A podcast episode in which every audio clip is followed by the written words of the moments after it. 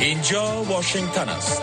رادیو آشنا صدای امریکا. شنونده های گرامی سلام. آرزو دارم روز خوشی را آغاز کرده باشید. فوزی احسان هستم و با همکارانم برنامه امروز دوشنبه سی ماه دلو را پیشکش می کنیم اما قبل از اینکه به نشر گزارش های این ساعت بپردازیم همکارم لیل ما حبیب عظیمی اخبار این ساعت را پیشکش می کند سلام و وقت بخیر. مشروع خبرها. دیروز یک شنبه 18 ماه فوریه نشسته در مورد افغانستان به میزبانی سازمان ملل متحد در شهر دوحه پایتخت قطر آغاز شد و امروز دوشنبه نیز ادامه دارد. دومین نشست مشورتی درباره افغانستان تحت نظر سازمان ملل متحد در دوحه پایتخت قطر بر اساس قطعنامه 2721 شورای امنیت سازمان ملل متحد برگزار شده است. این نشست به میزبانی انتونیو گوترش منشی عمومی سازمان ملل متحد برگزار گردید است. ملل متحد می گوید در این نشست در مورد چگونگی رویکرد افزایش مشارکت بین المللی به شیوه منسجم هماهنگ و ساختار یافته از جمله از طریق در نظر گرفتن توصیه های ارزیابی مستقل در مورد افغانستان بحث خواهد شد. وزارت امور خارجه قطر روز گذشته گفت که نمایندگان 25 تا 28 کشور برای شرکت در این نشست دعوت شده اند این در حال است که تحلیلگران از نشست دوحه بر رهبری سازمان ملل متحد به عنوان فرصتی برای گفتگوی سازنده میان حاکمان بالفعل افغانستان و جامعه بین المللی توصیف کردند تداماچی یاماماتو نماینده خاص پیشین منشی عمومی سازمان ملل متحد برای افغانستان و رئیس پیشین هیئت معاونت سازمان ملل متحد در افغانستان یا یونما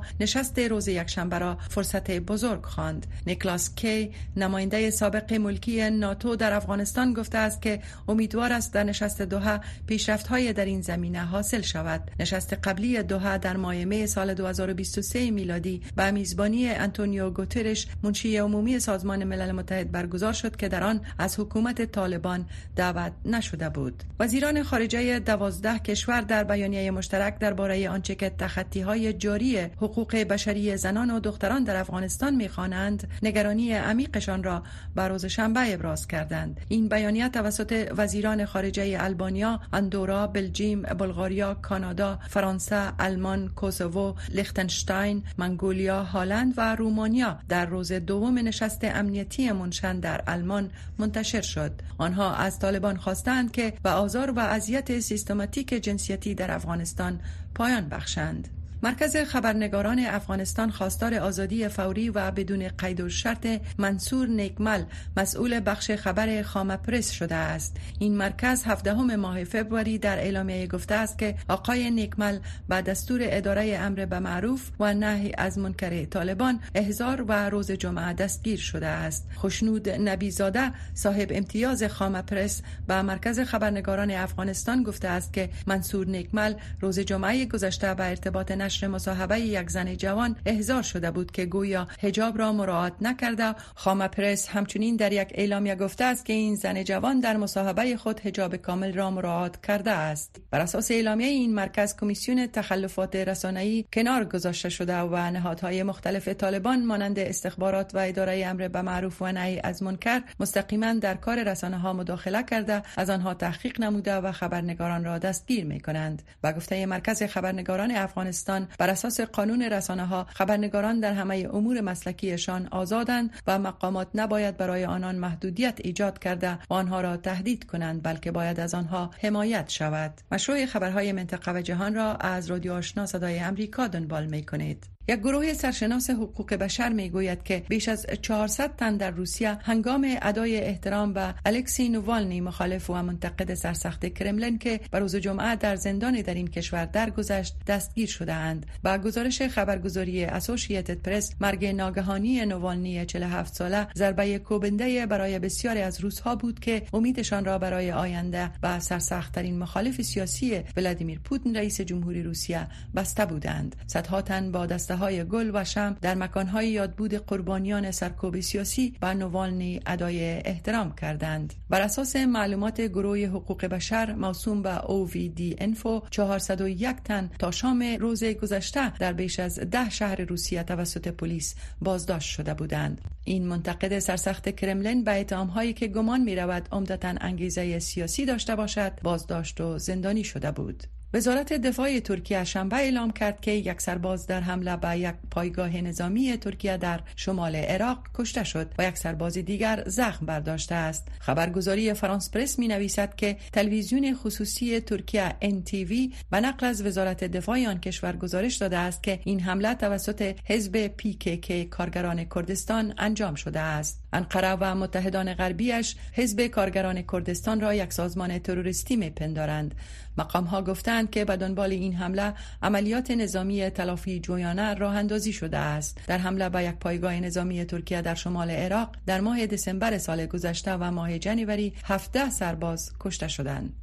گروه مخالف سیاسی مربوط به الکسی نووالنی می‌گوید عقاید نووالنی برای تغییر در روسیه زنده نگه داشته خواهد شد. کیرا یارمیش سخنگوی الکسی نووالنی هفدهم فبروری در مصاحبه گفت آنها رهبر خود را از دست دادند اما ایدئولوژی و اعتقادات خود را از دست ندادند خانم یارمیش گفته است که گروه آنها ولادیمیر پوتین رئیس جمهور روسیه را مسئول مرگ نووالنی می‌دانند پوتین دست داشتن در قتل او را رد کرده گفته است که اگر می‌خواست نوالنی را بکشد می‌توانست این کار را خیلی وقت انجام دهد. شهزاده فیصل بن فرهان وزیر خارجه عربستان سعودی می‌گوید یگانه راه به سوی امنیت و ثبات در شرق میانه به شمول اسرائیل ایجاد دولت فلسطینی است. این دیپلمات ارشد سعودی در یک بحث در حاشیه نشست امنیتی منشن در پاسخ به پرسش در مورد عادی شدن روابط با اسرائیل گفت ریاض در حال حاضر روی برقراری آتش بس در غزه خروج اسرائیل از آنجا و دسترسی مردم غزه به کمک های بشری تمرکز دارد. عربستان سعودی سعودی بارها گفته است که تا زمان روابط دیپلماتیک را با اسرائیل آغاز نمی کند که دولت مستقل فلسطینی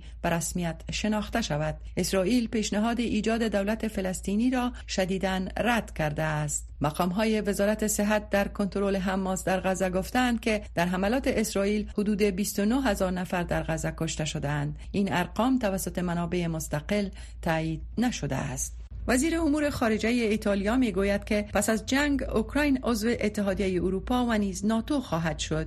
آنتونیو تجانی وزیر امور خارجه ایتالیا در کنفرانس امنیتی منشن گفت اتحادیه اروپا در تلاش است تا اوکراین را به حیث یک عضو داشته باشد اما در حالی که اوکراین درگیر جنگ با روسیه است عضویت آن در ناتو ناممکن است. و گفته تجانی باید بسیار محتاط بود زیرا داشتن یک عضو ناتو در جنگ با روسیه به معنای جنگ سوم جهانی است. تهاجم غیر غیر روسیه بر اوکراین در 24 ماه فوریه سال 2022 آغاز شد. در آستانه دو سالگی تهاجم ناموجه روسیه با اوکراین، رؤسای جمهور ایالات متحده امریکا و اوکراین تلفنی صحبت کردند. قصر سفید در بیانیه گفته است که جو بایدن در این مکالمه تلفنی با ولودیمیر زلنسکی بر تعهد ایالات متحده در زمینه ادامه حمایت از اوکراین تاکید ورزید. این گفتگوی تلفنی درست در روزی انجام شده است که اردوی اوکراین از خروج سربازانش از شهر افدیفکا در شرق این کشور خبر داد. رئیس جمهور بایدن بر لزوم تصویب فوری لایحه کمک مالی اضافی به نیروهای اوکراینی توسط کنگره ایالات متحده نیز تاکید کرده است. کاملا هریس معاون رئیس جمهور ایالات متحده در نشست مشترک خبری با رئیس جمهور اوکراین در حاشیه کنفرانس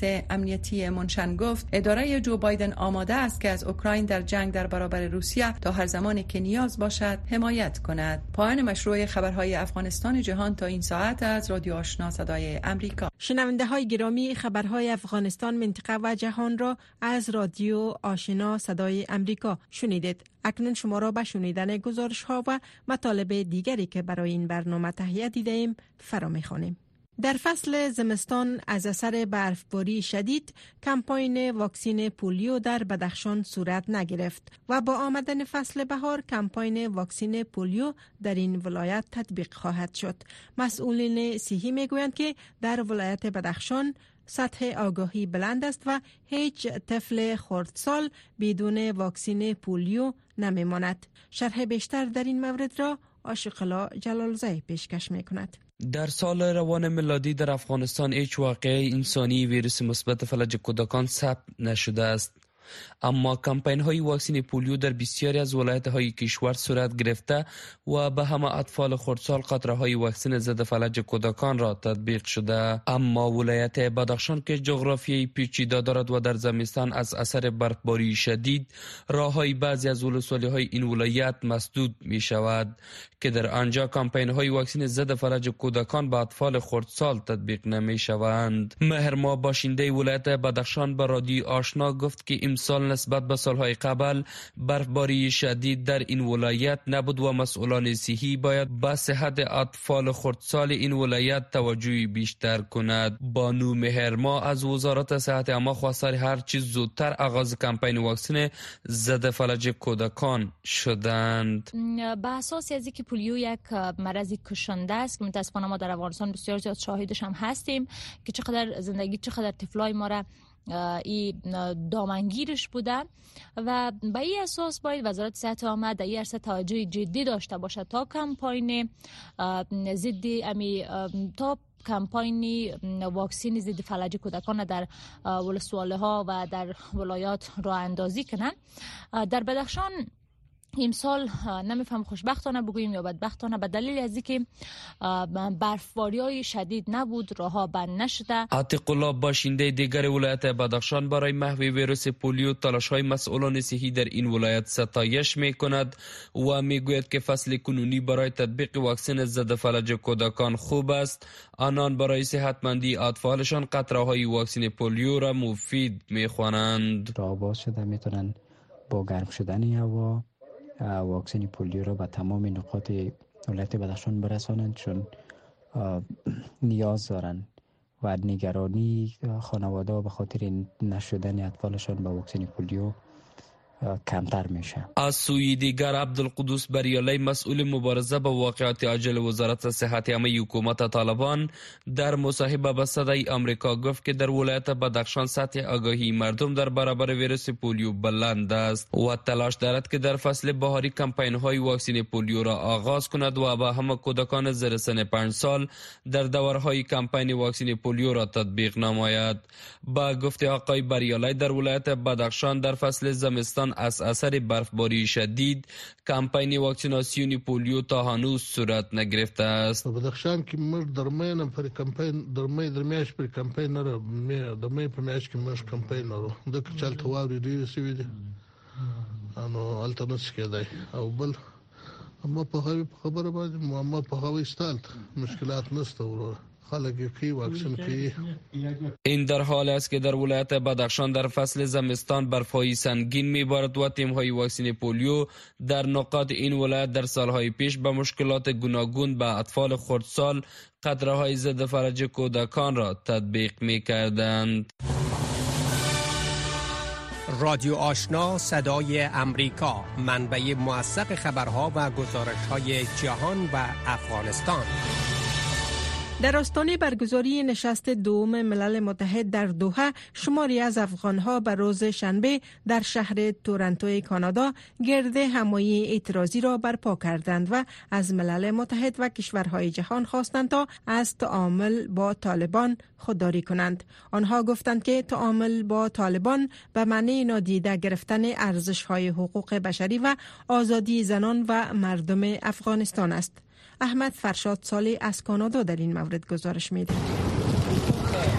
اینجا در هوای سرد زمستان در شهر تورنتو شماری از افغانهای ساکن کانادا در این گرد همایی اعتراضی خواستند تا در قبال وضعیت جاری کشورشان بی تفاوت نباشند. می‌گویند از تعامل کشورهای دخیل در قضای افغانستان با طالبان نگرانند.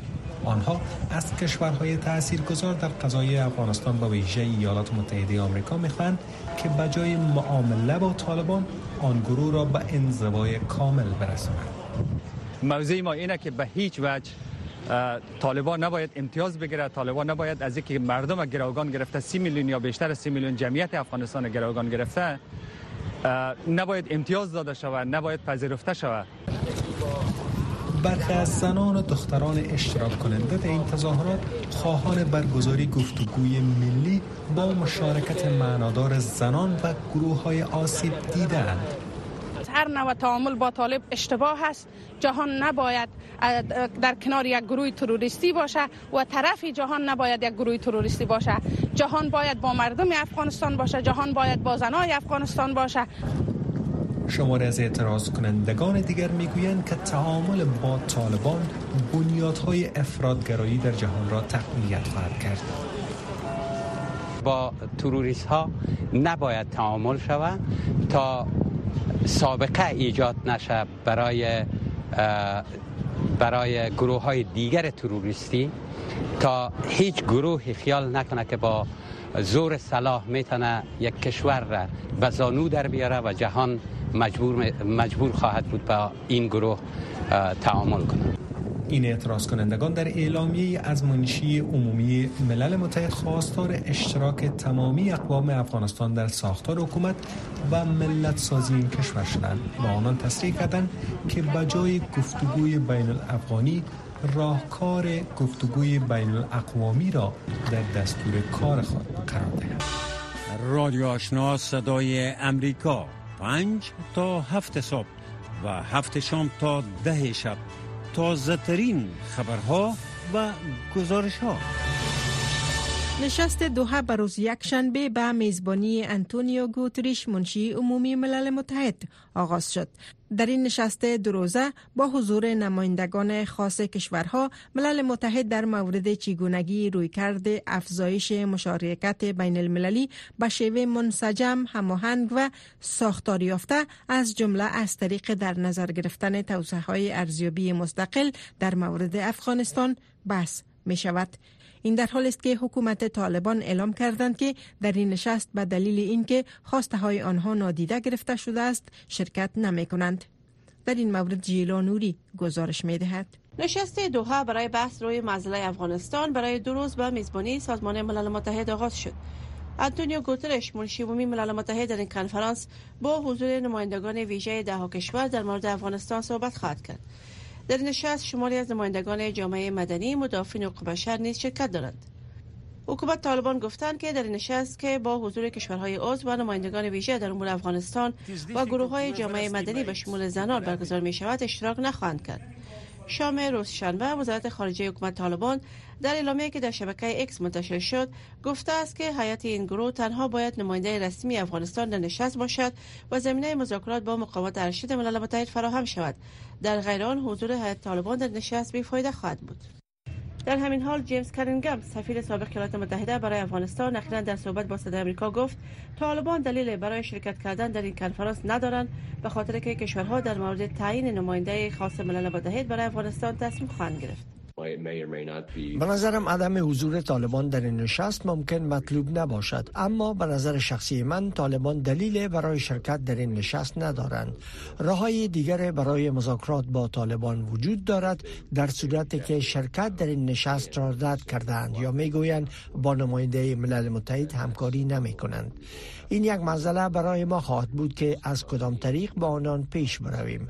نماینده خاص در صورتی که طالبان با او صحبت نکند یا با محدودیت ها روبرو شود ممکن گزارش دادن نتواند. اما در عوض می تواند سیاست جامعه بین المللی را در قبال افغانستان متحد بسازد.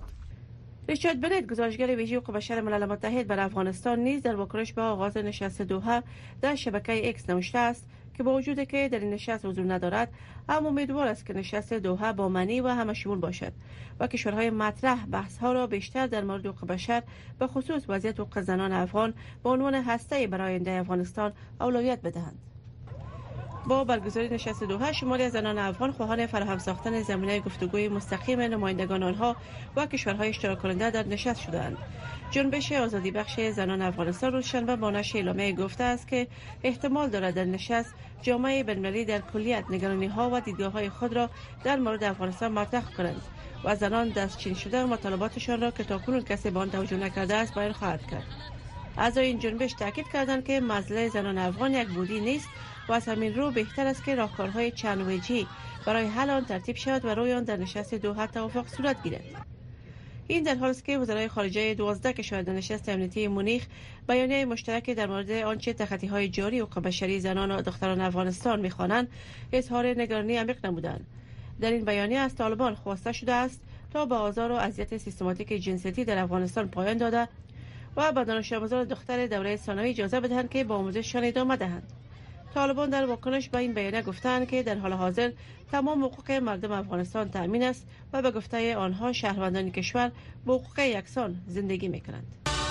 رادیو آشنا صدای امریکا پنج تا هفت صبح و هفت شام تا ده شب تازه ترین خبرها و گزارش ها نعیم اساس تحلیلگر روابط بین المللی می گوید که نشست سازمان ملل متحد در مورد افغانستان در دوحه به منظور تعامل با طالبان نیست بلکه برای هماهنگ کردن رسیدگی به وضعیتی است که مردم افغانستان با توجه به بحران اقتصادی، بحران بشری و انزوای عمومی با آن مواجهند. توجه کنید به مصاحبه محمد احمدی با آقای اساس در این مورد. نشست دوم ملل متحد در دوحه. فکر می‌کنین که با اجندایی که داره آیا بتونه راهی را برای حل بحران سیاسی و بشری فعلی افغانستان بیابه؟ البته در قدم اول باید بدونیم که چرا این نشست دوحه برگزار شده بر بنیاد امو قطعنامه که در سال گذشته قطعنامه 27 21 تصویب شد و او روی چهار نقطه البته پافشاری می‌کنه که این یک فرستاده ویژه از طرف سرمشی ملل متحد به افغانستان است و همچنان هماهنگی کمک ها و رساندن کمک ها به افغانستان و نقطه سوم تقویت همکاری های بین المللی است. نقطه چهارم البته مشارکت معنادار زنان البته چیزی که در جهی قطعنامه است. در امی پروسه که در اونجا البته اینا به او هدفشون چنین پروسه را دارن که در افغانستان دارد. کار بفته یا بگویم که اینا در هماهنگی با طالبا به این عملی بکنن روی چهار نقطه اینا پافشاری می‌کنن. ولی چرا طالبا در اینجا سهم نگرفتن؟ ما می‌بینیم که طالبا فعلا اول که در امی قطعنامه که صادر میشه در این قطعنامه ببینیم که چینایی ها و روس ها رای نمی‌تونن یعنی ممتنی رای ممتنی دارن در اینجا. وزی استفاده می‌کنن. دومی که طالبا شما ببینید که با انتخاب نماینده ویژه ملل متحد اینا مخالفت کردن. طالبا ما فکر می‌کنم در این شرایط فعلی در موقف قرار دارن که اول منابع مالی بر از اینا می‌رسد. تقریبا در حدود 10 میلیون دلار ماهانه. دومی که کارت سفید دیگه که در اینا دارن در منطقه گروپ های تروریستی با اینا هستن و تمام کشورهای امجوار اینا در گروگان خود گرفتن و این کشورهای امجوار از اینا پشتیبانی می‌کنن. با او اساس ما فکر می‌کنم که طالبا از از امی بحرانی که یا بگویم که بین در بین جامعه جهانی امی کسانی که اکتورها یا بگویم کسانی که در قضای افغانستان زی دخل هستند اونا توافق ندارن در رابطه با موضوع افغانستان. پرسش اساسی که مطرح است که ناخرسندی که طالبان از این نشست داره و شرکت هم نکردن چگونه حالا توافقاتی که یا فیصله که در مورد رایگیری میشه می‌تونه واقعا عملی شود؟ شما ببینید که در همین کسانی که در اینجا هم سهم گرفتن به خصوص ببینید بین ایران و ایالات متحده آمریکا چون سیاست خارجی از یا به اساس منافع ملی از اینا تعیین میشه. اینا یک موقف واحد در قبال موضوع افغانستان به خصوص در همین نشست دو ندارن و ما به این قدر فکر نمی کنم که خوشبین باشم که از یک نتیجه بسیار خوبی به دست بیارم. ولی جهان مجبور است که امروز وقتی که طالبان میان در افغانستان طالبان با یک سه سه موضوع بسیار اساسی اینا رو برو میشن. اولی که یک یک بحران بشری دوم یک بحران اقتصادی سوم یک انزوای بین المللی البته بحران بشری به این مفهوم که وقتی که طالبان آمدن در افغانستان در زمان جمهوریت 19 میلیون انسان یا بگویم افغان وابسته به کمک های خارجی بودند و بحران اقتصادی در اون زمان موجود بود وقتی که طالبان امروز در انزوای جهانی امروز در انزوا قرار دارن به او اساس بله. یک بحران عمومی امروز در افغانستان موجود است که همین نشست دو هم البته در رابطه با مردم افغانستان است. نه ای که امروز با اینا را به کلمه تعامل صحبت می‌کنن ما زیادتر از کلمه اماهنگی صحبت می‌کنم نه کلمه تعامل. هیچ تعامل با طالبان اینجا نیست و طالبان اینا اصلا موضوعی به رسمیت شناختن تعامل با طالبان نیست. فقط اینجا هدف اساسی زنان افغانستان و مردم افغانستان است که امروز به این سه مشکل اساسی بحران بشری بحران اقتصادی و انزوای انزوای بین المللی مردم بله. افغانستان قرار دارد. بله آقای اساس چون فرصت کم است؟ اگر کوتاه بفرمایید که آینده این نشست فکر می‌کنه چه تاثیراتی می‌تونه برای حل مشکل افغانستان داشته باشه؟ خب یک گام مثبت از خود نشست دو اولی که در قسمت کمک ها یعنی می‌خوان که کمک ها را به شکل دست جمعی هماهنگ بسازن و کمک ها به مردم افغانستان سرازیر شود و یکی چه قسم طالبان از این استفاده می‌کنن شما می‌بینید همه می‌دونن ولی ما فکر می‌کنم که یک گام مثبت از بخصوص ای که امروز جهان از ببینید که در این طول دو دهه بیشتر از 21 22 قطعنامه و نشست شورای امنیت ملل متحد در رابطه با افغانستان دایر شده و چنین کاری فکر می‌کنم به نفع افغانستان است. اما حساسی که موضوع طالبان که گروه تروریستی که امروز مردم افغانستان به گروگان گرفته و هی مشکل اساسی افغانستان موجودیت گروه تروریست است که در افغانستان موجود است. موجود اصلا مشکل اساسی مشکل دیگه نیست. مشکل اساسی طالبان هستند در افغانستان. تشکر از شما آقای نعیم اساس تحلیلگر روابط بین المللی که تحلیل خود در مورد دستاوردها و یا پیامد احتمالی این نشست بیان کردن. روزتان بخیر. تشکر از شما.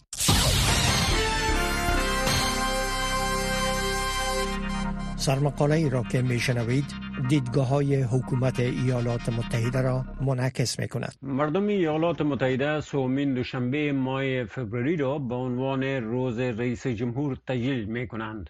در عصر حاضر در این مناسبت از کارکردهای همه رؤسای پیشین و کنونی یاد بود به عمل می آید. به ویژه از جورج واشنگتن و ابراهام لینکن رؤسای جمهور فقید ایالات متحده که روز تولد آنان ده روز از هم فاصله دارد. واشنگتن در 22 فوریه و لینکن به تاریخ دهم فوریه تولد شده بودند. با این حال نخستین جشن تجلیل از روز رئیس جمهور و سپس تعطیلی عمومی در این روز که در سال 1971 رسمی شد هیچگاه رابطه سالروز تولد واشنگتن را با روز رئیس جمهور تغییر نداد و نه هم مناسبتی برای تجلیل از سالروز تولد لینکن شد. همان گونه که همیشه چنین بوده روز رئیس جمهور روز برای سپاسگزاری و قدردانی از جورج واشنگتن نخستین رئیس جمهور ایالات متحده بوده است. جورج واشنگتن اردوی شورشی را رهبری می کرد که استقلال ایالات متحده را از سلطنت بریتانیا گرفت. او به شدت محبوب بود. نخستین تجلیل مستند از سال روز تولد وی در سال 1778 و در کمپ زمستانی اردوی شورشیان در ولی ورج در نزدیکی شهر فلادلفیا بود. در آن زمان گروهی از نوازندگان با نواختن تبل و نای در مقابل اقامتگاه واشنگتن موسیقی اجرا کردند. سپس واشنگتن گفت که این جشن نوع به را به جورج پادشاه بریتانیا آغاز کرد.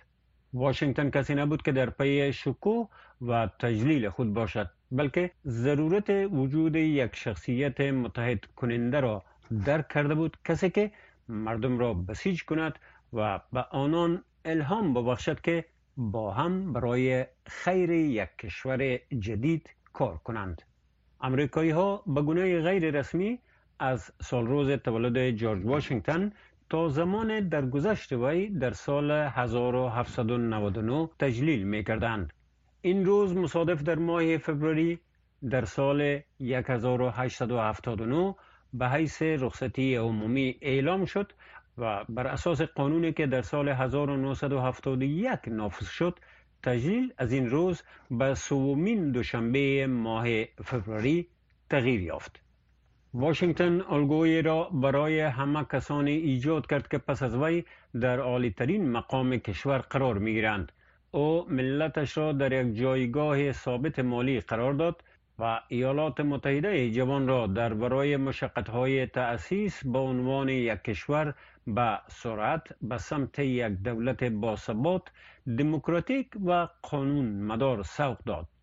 جورج واشنگتن پس از تصدی دو دوره چهار ساله ریاست جمهوری با انتقال داوطلبانه و مسالمت آمیز قدرت به رهبر منتخب جانشین خود نمونه مهمی را برای همه رؤسای جمهور آینده ایالات متحده بر جا گذاشت.